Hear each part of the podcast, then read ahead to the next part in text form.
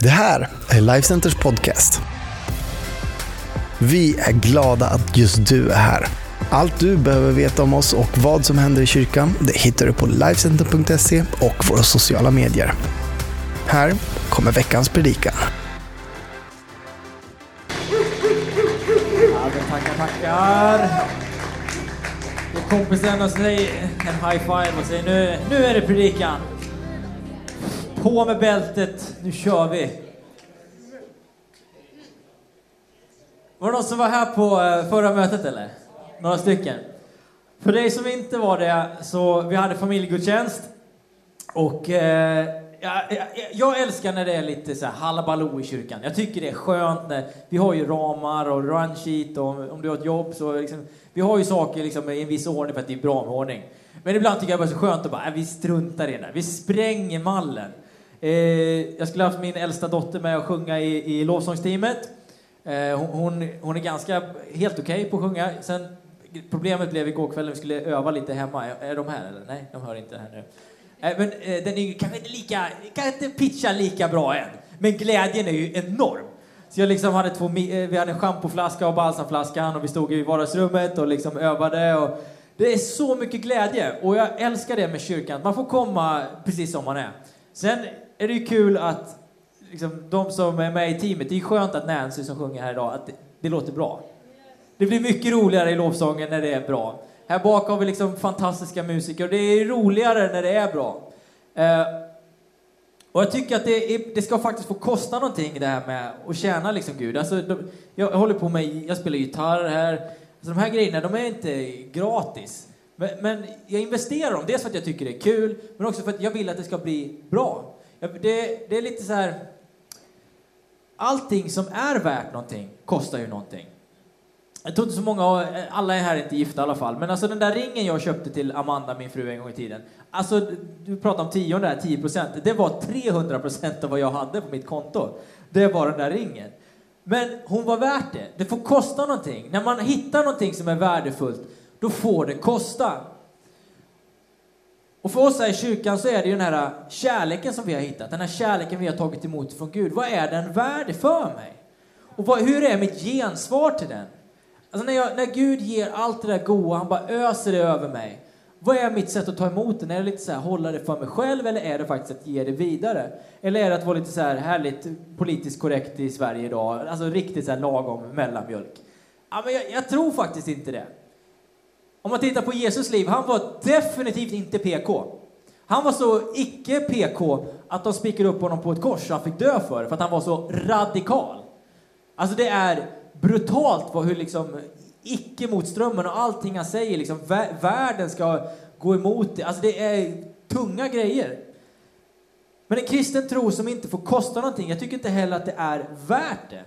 När jag tittar på mitt eget liv, alltså vad är det Gud Behöver jag ens Gud för att leva det livet jag lever idag? Det är en provocerande tanke för vårt liksom västerländska, svenska samhälle som vi lever i idag. Vi har, de flesta av oss, eller jag tror det, vi har mat på bordet, vi har någonstans att bo. Att säga ja till Jesus, det är inte som att du blir förföljd. Det är inte att du liksom spikas upp eller stenas imorgon. För vissa människor i världen så är det det. Och det där kan provocera mig själv. Att säga, vad är det jag tror just nu över mitt liv som jag verkligen behöver Gud i? Har jag någon vild dröm? Vad har du på ditt hjärta? Eh, Titus. Hanna. Alla ni andra. Alltså vad har ni på ert liv som bara säger om inte Gud dyker upp i den här situationen nu, då vet jag inte hur jag ska klara det. För det står att han vill göra mycket mer än vad vi vågar själva drömma om. Alltså Gud han har lagt sådana gåvor, sådana drömmar, sådana kallelser, sådana otroligt stora saker, men vi måste våga gå efter det. I, eh, jag älskar storiesarna i Bibeln. Jag, hela Bibeln är ju bra, men jag, jag fastnar alltid för liksom person, liksom biografierna någonstans. Alltså den här, eh, man kan komma lite innan på skinnet. Och det finns en story i, i Gamla Testamentet, i Första Kungaboken, om en kille som heter Elia. Och vid den här tiden så är det en kille som heter Ahab som är kung i Israel. Och det, det är massa olyckan som kommer över hela Israel och det står att Ahab, han är arg på Elia för att det är han som har tagit över det här. Det är han som har dragit det här över hela landet. Och Elia han går igång på det där. Han säger nej, så är det inte. Utan det är din avgudadyrkan. Det är ditt sätt att dra det här dåliga över liksom hela ditt folk och hela ditt liv. Det är för att du, du tillber andra gudar. Du sätter någonting annat före Gud. Och i vårat, liksom, om man omsätter det till dagens samhälle, då handlar det egentligen om att vad är det som får komma först? Och ett bra sätt att tänka på det, vad är det första jag gör på morgonen? För oftast är det det viktiga. Då pratar jag inte om så här toabesöket, utan jag pratar om vad är det jag liksom tar in, vad är det jag konsumerar? Är det Instagrammen, är det nyheterna, är det liksom whatever? Jag säger inte att det är fel, men det säger någonting om vad är det viktigaste. För mig så, jag gör ingen jättestor Jag öppnar min bibel, jag läser några rader och sen så kanske jag hittar en längre stund senare på dagen. Men jag, jag, jag försöker verkligen göra det till en prioritet. Det första är det viktigaste. Det är samma sak som med tiondet. Det är det första som man ger. Vad är det första som du gör? Det säger så mycket om dig och mig. För det är det som är den här av... Det är lätt annars att man börjar sätta någonting annat över Gud. Att man börjar liksom lita mer på sin egen styrka, sin egen liksom, jag ska göra det här själv. Eller man, man litar mer på ett eh, ränteläge. Alla vi som har hus. Alltså man börjar oroa sig för saker och sätta det över, nej först så kommer du Gud. Du är Jehova Rafa som Pernilla predikade om här förra söndagen och talade om. Du är den som försörjer. Du är den som helar, du är den, du är den som kommer först. Och den här killen Elia då, vi ska ta och slänga upp eh, bibelsammanhanget här på, på skärmen från första kungaboken. Har du en bibel så säg amen. Har du en telefon så slå upp det. Första kungaboken kapitel 18. Ifrån vers nummer 25. Och då är det så här. Elia, han har gått till Ab, han har sagt så här, du, din Gud, den som du tillber, den här Bal, han har börjat tillbe en, en kille som heter Bal. Han, Bal är liksom en riktig så avgud.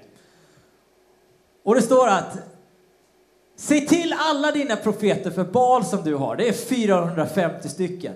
Möt mig på berget där borta imorgon klockan fem, så ska vi ha en riktig Clint Eastwood-duell. Alltså är det någon som gillar western här eller? Det här är western på liksom hög nivå. Och det står att de bygger varsitt altare. Balsprofeterna på ena sidan och Elia bygger sitt på den andra sidan. Och så hoppar vi in här i vers 25 och det står så här. Elias sade då till Balsprofeterna. Välj ut åt er tjuren och gör den i ordning. Ni får välja först eftersom ni är fler. Är det någon som märkte någonting där? Det är lite som så här på skolgården. Ni är fler i ert lag, så ni får börja med bollen och ni får vara... Alltså, allting vänds upp och ner. Och ni kommer märka att så här, han försöker verkligen göra allting för att visa att det här är inte jag. Alltså, jag fuskar inte. Det här är inte jag som ska upphöjas, utan nu ska jag peka på Gud. Så ni får välja först. Åkalla därefter er Guds namn, men tänd inte elden. Då tog de en tjur och gav den till han som gjorde i ordning den och kallade på Bals profeten eh, på Bals namn från morgonen ända till middagen och ropade Bal! Svara oss! Men inte ett ljud hördes. Ingen svarade och hela tiden så dansade de omkring altaret. Alltså, kan ni se det här framför er? Du har liksom 450 pers som bygger ett altare och de kör liksom regndansen runt och de skriker bal! Och det, är liksom, det måste ju bara sett så här. Och Elias står där bredvid och bara, hur, hur går det? Går det bra? Och det är precis vad han gör. Och när det blev middag, då står det, det här är i Bibeln, då retades Elia med dem och sa det, ropa högre! Visst är han en gud, men han kanske sitter försjunken i tankar, han kanske är upptagen, han kanske är på resa! Det här är, det här är Bibeln! Jag tycker det är så fascinerande. Han kanske sover, men då ska han väl ändå vakna? Han kanske, alltså, det är lite, lite Holy Spirit trash talk här. Alltså, det är någonting som händer. Så då ropade de ännu högre, de börjar rista sig. Och så står det också, som de brukade. Om du umgås med någon som ristar sig som de brukar, som gör det ofta, umgås inte med dem. Hjälp dem, de behöver förbön och bra psykolog. När det blev eftermiddag så grep de av profetiskt raseri och höll på, eh, höll på så ända tills det var dags för matoffret. Men inte ett ljud hördes. Ingen svarade och ingen tycktes heller bry sig om dem. Det är synd om de här killarna alltså. Nu kommer Elia igen. Elia sade då till folket. Gå fram hit till mig. Och allt folket gick fram till honom och så byggde han åter upp Herrens altare som hade blivit nedrivet. Elia han tog tolv stenar, lika många som Jakobs söner stammar. Det var Jakob som fått detta ord från Herren, Israel ska vara ditt namn. Och av stenarna så byggde Elia ett altare i Herrens namn och grävde ett dike runt. Han började skotta på, stort nog för ett utsäde av två seamått. Det är jättemycket i alla fall. Och så la han upp veden, styckade tjuren, la på den. Och så sa han, fyll fyra krukor med vatten. Häll det över brännoffret. Och han sa, gör det igen. Ni förstår vad det här är på väg. Och så Elia, han gör det liksom, det är ju redan omöjligt från början. Alltså vi kan titta på en situation så ofta i våra liv och det är liksom ett fruktansvärt högt berg att bestiga. Och sen ibland kan det kännas som att berget bara växte sig. Det var inte liksom, eh, vad heter man skidbacke här borta, Vebobacken. Nu är det Everest framför mig. Och det, sakerna bara hopar sig och hopar sig. Och Elia, han gör det bara svårare och svårare. Och han har liksom, det är vatten och det, det är diken och så står det att han börjar be. Han börjar åkalla Guds namn. Och i vers 37 så står det så här. Svara mig, Herre, svara mig för detta folk eh, står att du är Herren, våran Gud, och omvänd du deras hjärtan. Och då föll Herrens eld ner och förtärde brännoffret. Veden, stenarna, jorden torkade upp och allting bara brände upp. Den här storyn är ju inte bara en story. Vi här i kyrkan, vi, vi, vi tänker inte bara att det här är bra saker. Jag tror verkligen att det här är på riktigt. Alltså, om det, fin det finns ju några grejer man hade velat se i Bibeln. Jag hade velat se Jesus uppväckt. Jag hade också det här får vara en fluga och bara titta när det kommer liksom på en eldstod. Liksom. Det är laser från himlen och bara psh. Och det står att folk omvänder sig. Och även om det är lite, lite trash talk där en bit, han står och hånar dem lite, lite så halvt. Så tänker tänk jag också någonstans att Elia, han, han dömer inte de här killarna. Han, han står inte liksom, trycker ner dem på något sätt egentligen. Han förbannar inte det andra gänget. Istället så skapar han en situation där ljuset får vinna över mörkret. Du vet, målet med vår kyrka, målet med din och min tro, det är inte att trycka ner eller bryta ner någon annan som tycker annorlunda. Vi är inte här för att förbanna mörkret. Vi är här för att tända ett ljus. Kanske den viktigaste grejen jag har känt i mitt liv, att det, det kommer så mycket folk som tycker och tänker, och det är fine, det får stå för dem. Men jag står här och jag tänder ett ljus. Och så får Jesus skina igenom mig. Genom att jag uppmuntrar, genom att jag är generös, genom att jag ber, genom att jag talar Jesus, luktar Jesus. I Matteus 5 och 14 så står det att ni är världens ljus så att världen kan se Guds färgerna. Det är ganska coolt sagt.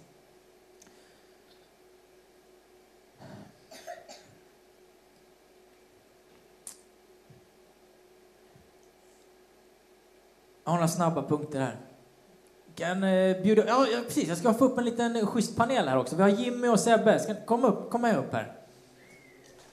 Ja, en stor fet applåd.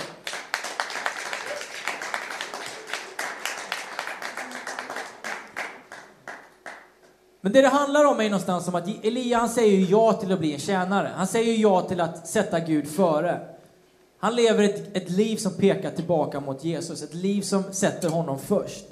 Det står att när Elia byggde det här altaret så samlades folket runt honom. Jag tror att när vi gör kyrkan, när vi gör det kristna livet sådär genuint och ärligt, då samlas det automatiskt folk runt oss. Det är folk här i kyrkan idag. Jag har inte bjudit in er, men folk kommer. När man börjar göra någonting bra så pekar det mot Jesus. Och... Ska du komma Sebbe? Sätt dig där. Ni killar är ju, ni är ju bra, eller hur? 100 procent. 100 procent. Fruktansvärt bra. Ni är ju några av de liksom största, det finns många bra personer här i kyrkan som tjänar Gud. Ehm, men ärligt talat Sebbe, du har inte haft det sådär aplätt jämt. Jo. Ja. Nej, Jag vet inte om du varit så här, känt att du har 450 Balsprofeter emot dig kanske? nästan. Nästan. 420 kanske. 420. Nej då, men... Men eh, när, när, man, när sånt händer, seriöst, alltså vad, vad är det som gör att du kommer hit och tjänar? Vad är det som gör att du ändå står upp för din tro? Vad, vad är, det, vad är det som liksom motiverar dig även i sådana situationer? Wow, vilken fråga. Eh, Jesu kärlek. Alltså, saker och ting händer och kommer att hända Jag, ingen kommer leva ett easy peasy liv. Det kanske inte är 450 eller ens två liksom, som kommer mot dig. Men, men det kan kännas som det. Men att, att få komma någonstans där, där jag vet att, att jag har människor runt mig. Vi pratade om i första gudstjänsten att det här är en familj. Jag minns en händelse som, vi behöver inte gå in på det, men Pernilla kom fram till mig och sa så här, orkar du verkligen fota? Och min, min tanke var, det här är hemma. Det här är, det är det här jag ska vara. Det är, för mig blir det väldigt viktigt att jag har människor runt mig som älskar mig, som stöttar mig, men också som ser värdet i mig. Att, att de kollar på mig med Jesus ögon, med kärlek, med hopp, med tro. Och att få den, med den bekräftelsen att ja, men, det finns människor här som verkligen vill mig väl. Det är Grymt. Du då Jimmy? Samma fråga. Ja. Jag kommer alltid tillbaks till det som eh, Jesu lärjungar säger. När han har sagt att jag är livets bröd. Och så är det många som lämnar Jesus för de tycker att hans undervisning är för tuff. Det, det kostar för mycket att följa Jesus. Och så vänder Jesus sig till sina tolv och så säger han, vad ska ni göra? Och så svaret blir, vart skulle vi annars gå? När man har mött Jesus och det han har gjort för mig och vem han är, vad skulle jag annars göra? Jag har ingenting, det finns inget annat som är värt att byta ut. Så oavsett vad jag möter och går igenom så är den han är. Jag mötte honom så starkt i ungdomens år liksom. Så jag är märkt. Det finns ingenting som kan jämföras. Och när jag möter saker, går igenom saker, så har jag sett att då prövas man. Man ser vad man är gjord utav. Det är lätt att vara här på ett läpi på en söndag. Men när man går igenom liksom malen så märker man en del sidor som man inte ens trodde att man hade. För det syns inte när allt går bra. Men när det är tufft så då, då märker man liksom, en, sjunger man lovsång direkt när man stiger upp liksom? Ja, oftast. Men eh, man märker vad man är gjord utav. Och det där, det där som ni båda två är inne på egentligen, det här med att få sin... Det är ju underbart med söndag. Jag älskar söndagen. Alltså det står i, i Guds ord att vi ska inte försumma söndagen. Men alltså, kom, kom hit. Jag blir glad när jag går till, till Herrens hus och pratar Psaltaren om. Men det där kristna livet är ju fortfarande så mycket mer än den här timmen på en söndag. Och när jag själv fick tag på det, den där att ja, men det är mer än vad det här liksom är. Det här är underbart. Men måndagen till liksom lördagen, det är också där den ska levas ut någonstans. Och eh, nu sitter vi här ganska många åldrar och jag tror att man kan brottas med det här genom hela livet. Men framförallt ni som är unga, då handlar det någonstans om att hur får jag tag på den där genuin, alltså den där någonting i tro, någonting i livet som gör att jag får energin, som gör att jag får kraften att ta mig från liksom söndag till söndag. Vad är, vad är det som, som hjälper dig en liksom regnig, kass, så här slaskig vårdag liksom? För, du, för jag, men ärligt talat, för jag, när jag tänk, tänker på det, när jag ringer dig, när vi pratas, du är, du är så full av tro, Sebbe. Du har ju verkligen upplevt någonting. Bön. Alltså kraften i bön. Alltså att få söka Guds ansikte. Och det kan vara när livet går bra, alltså när det är hur bra som helst, när det bara är, alltså det är, allt är på topp. Och att verkligen bara få komma och se honom och hans kärlek i att han har gjort allting så bra. Men dagen efter så kan det vara en regnig, slaskig tisdag eftermiddag, det är långt kvar på veckan och man bara känner sig fy vad tråkigt det här är. Och då är bönen lika stark. Att få komma till honom och bara, Gud kom, hjälp mig. Fyll mig med din heliga Ande. Fyll mig med kraft, med hopp, med tro. Och lev nära honom. För att det går inte att, att tro att jag kan leva långt ifrån. Jag kan inte, som Pernilla brukar säga, ha en liten bröstficka i Jesus. Jag kan inte, för att det funkar liksom inte. Han är, han är så mycket större än så, han kan göra så mycket mer än så. Så att sök honom i hans mäktiga liksom, närvaro där han kan få bryta igenom och göra saker som vi inte tror är möjligt. Nej, riktigt bra. Ja, en fet applåd där. Den där, den där. Samuel, kan du komma och ta krisen? Men du, Jimmy. Jag tror att det sitter några stycken här idag. Eh, man kanske är första gången i kyrkan. Man kanske hade... Man kanske, jag brukar tänka på det som att man är, balanserar lite på staketet. Det är nästan den vanligaste. Man går, men man skulle behöva gå all in för Jesus. Eh, för att det, det gör verkligen ont när man snubblar på det där staketet. Eh, speciellt som kille. Det, det tjongar till liksom. Vad skulle du säga för att bara hjälpa någon att, att verkligen stå stadigt? Att sluta hoppa för, för mycket, hö, hö, för, liksom, gräset är grönare där, utan att sätta ner sina fötter, sina andliga skor liksom någonstans och stå stadigt. Um, alltså jag tycker att det finns så många duktiga människor i kyrkan som är ändå väldigt bra. Och jag tror, jag är inte Guds bästa barn. Jag är hans vildaste barn känns det som ibland. Och jag behöver Gud så otroligt mycket. Jag tänker att om Gud kan hjälpa mig så kan han hjälpa vem som helst. Det känns verkligen så. Jag har hört andra säga det så här från scenen. De bara yes, det finns hopp för mig också. Och jag har upplevt liksom hur Gud har verkligen haft nåd över mig. Och den nåden, den ger han gratis men den är inte billig. Och det finns ett beskydd när man ägnar sig åt det som Gud vill. När man etablerar sig i Guds församling så finns det ett beskydd där.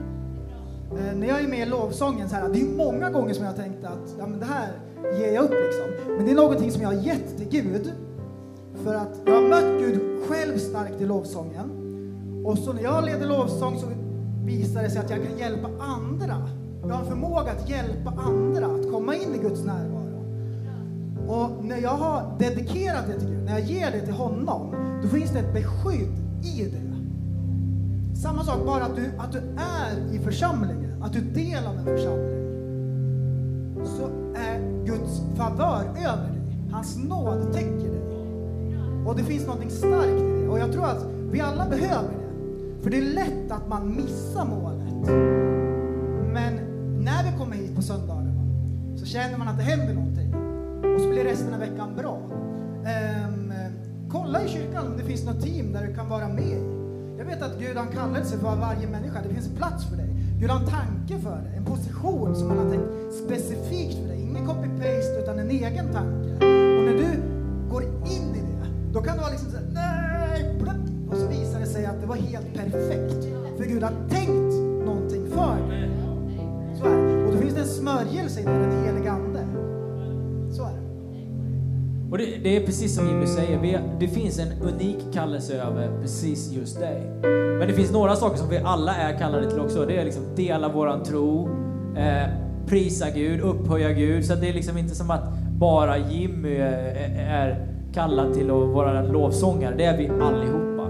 Det är så att han tronar på våran lovsång. Att Gud liksom, han, han flyttar in när vi lyfter våra händer mer eller mindre. Och vi ska göra så här, vi bara ställer oss upp allihopa. Ni kan vara kvar här grabbar. Vi ska bara ställa oss upp här tillsammans. Och jag tror att det är några stycken här. Ni, ni har kämpat lite med, ni kanske känner det som Jimmy. Man är lite vild, man är lite fram och tillbaka. Det är fine. Gud älskar dig. Nåden täcker allt. Men det handlar också om att plantera sig någonstans. Att man inte svajar för mycket i sin övertygelse. Och det är det jag alltid säger när någon tar emot Jesus. Bara just keep coming back. Plantera dig. Du behöver inte bli den värsta, bästa, coolaste, stå här och predika nästa söndag. Men bara kom tillbaka. Hitta någon att bjuda en kopp kaffe på. Ställ dig i dörren där nere och bara säg hej och välkommen till kyrkan. Det betyder så mycket det där leendet som folk får. Jag vet, jag vet inte hur många jag har träffat som kommit hit och bara, ni är så glada här. Ja men det är ju mer man hänger med liksom en Therese som är så god och glad, eller man hänger med en Todd som bara älskar livet och, och allt. Liksom. Det händer någonting med oss när vi ställer oss runt någon annan som hjälper oss att lyfta våra händer när vi vill tappa ner dem. Och det gör vi och det hittar vi här i kyrkan. Men jag skulle vilja be för dig. Vi gör så att alla bara blundar just nu. Bara tänk på hur är din relation med Gud? Känner du att du, du har hoppat lite för mycket bak och fram och över det där staketet och kanske slagit dig, du kanske gjort dig illa, kanske någon annan här i kyrkan har gjort dig illa. Då vill jag få be för dig och bara att du känner dig fri och förlåten. Och jag ska be att Guds nåd och hans kärlek bara får omsluta dig och möta dig precis i den situationen där du är. Om du vill ta ett sånt där riktigt Jesusbeslut idag, att följa honom, kanske för första gången, att bli vad Bibeln kallar för frälst, räddad, fri och förlåten. Att Jesus får flytta in i ditt liv. Ska jag be för det också? Om du vill att jag ber för dig just nu, kan inte du bara räcka din hand nu? Ett, två, tre. Gud ser din hand med. Gud ser dig, Gud ser dig. Det är massa händer. Fantastiskt. Wow. Wow. Fantastiskt. Det så att alla bara ber med mig den här enkla bönen. Tack Jesus att du älskar mig. Tack Jesus att du dog för mig. Att du uppstod för mig. Jag tror det i mitt hjärta. Jag säger det ut med min mun. Att du är min frälsare. I Jesu namn jag ber. Amen. Herre, jag bara tackar dig för varje hand som gick upp här idag, Herre. Jag tackar för de händerna som inte gick upp. Jag tackar för att du möter de personerna, de, de tjejerna, de killarna, de männen, de kvinnorna precis där de är just nu, Herre. Så är du där och du helar och du läker och du upprättar och du reser människor upp till tjänst, Herre. Jag tackar dig för en plats i ditt rike att tjäna dig. Jag tackar dig för att när vi kommer emot Balsprofeterna imorgon i plugget på jobbet, Herre, då är du med oss. Du är där. Du, du, du har kallat oss, Herre. Du kommer inte överge oss, du bara ber att vi ska gå. Så jag ber att den här veckan som kommer nu ska vi få ta steg för dig, tjäna dig på ett nytt sätt. I Jesu namn jag ber. Amen. Wow. Underbart. Tack grabbar. Tack grabbar.